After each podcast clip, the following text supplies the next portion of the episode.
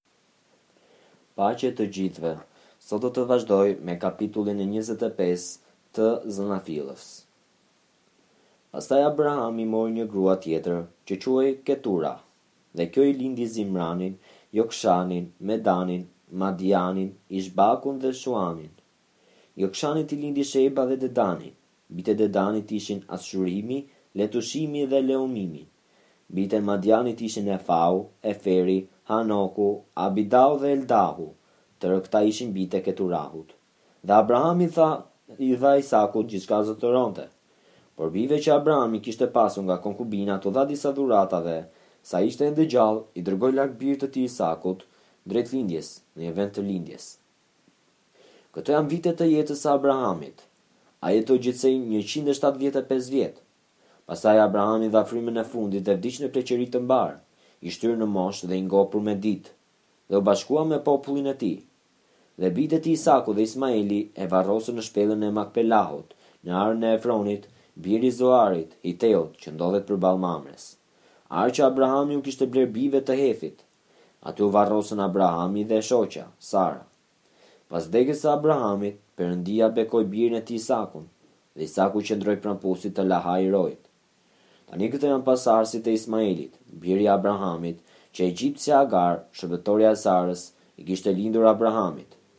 Këta janë emrat e bijve të Ismaelit sipas emrit të brezave të tyre, Nebajothi, i parëlinduri i Ismaelit, pastaj Kedari, Abdeli, Mipsami, Mishma, Dumahu, Masa, Adari, Tema, Jeturi, Nafishi dhe Kedemahu.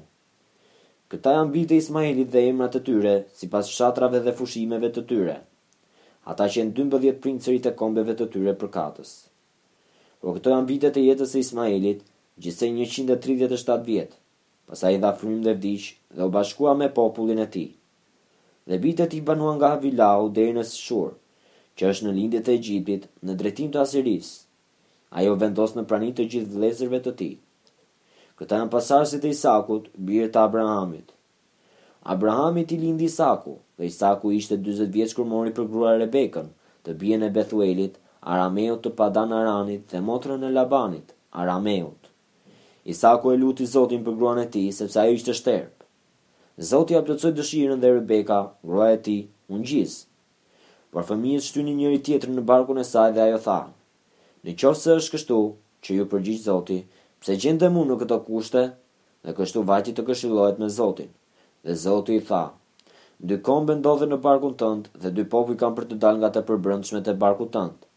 Njëri nga këto dy popuj do të jetë më i fortë se tjetri, dhe më i madhi do t'i shërbejë më të voglit. Kur erdhi koha për, për atë që të lindte, ajo kishte në bark dy binjakë. Dhe i pari që doli jashtë ishte i kuq. Ai ishte krejt si një mantel leshtor, prandaj i vunë emrin Esau. Pastaj doli vëllai i tij, i cili me dorë mbante thembrën e këmbës së Esaut, prandaj e quajtën Jakob. Por Isaku ishte gjashtëdhjetë vjeç kur Rebeka i lindi ata.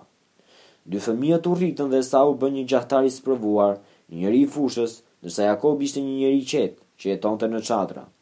Por Isaku e donte Esaun, sepse mishin e gjahut e pëlqente. Rebeka, nga ana e saj, donte Jakobin.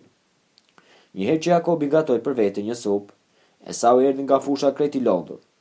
Dhe Esau i tha Jakobit, Të lutem, më lër të ha pak nga kjo supë e kuqe, sepse jam i lodhur. Për këtë arsye e quajtën Edom. Por Jakobi iu përgjigj, Më shit më parë parëbirninë tënde. Esau tha, Ja unë jam duke vdekur, ç'dobi kam nga parëbirnia? Atëherë Jakobi tha, Më parë betomu. Dhe Esau iu betua dhe i shiti Jakobit parëbirninë e tij. Pastaj Jakobi i dha Esaut bukë dhe supë me thjerrëza. Dhe ai hëngri dhe piu, pastaj u ngrit dhe iku. Kështu Esau shpërfilli parëbirninë e tij.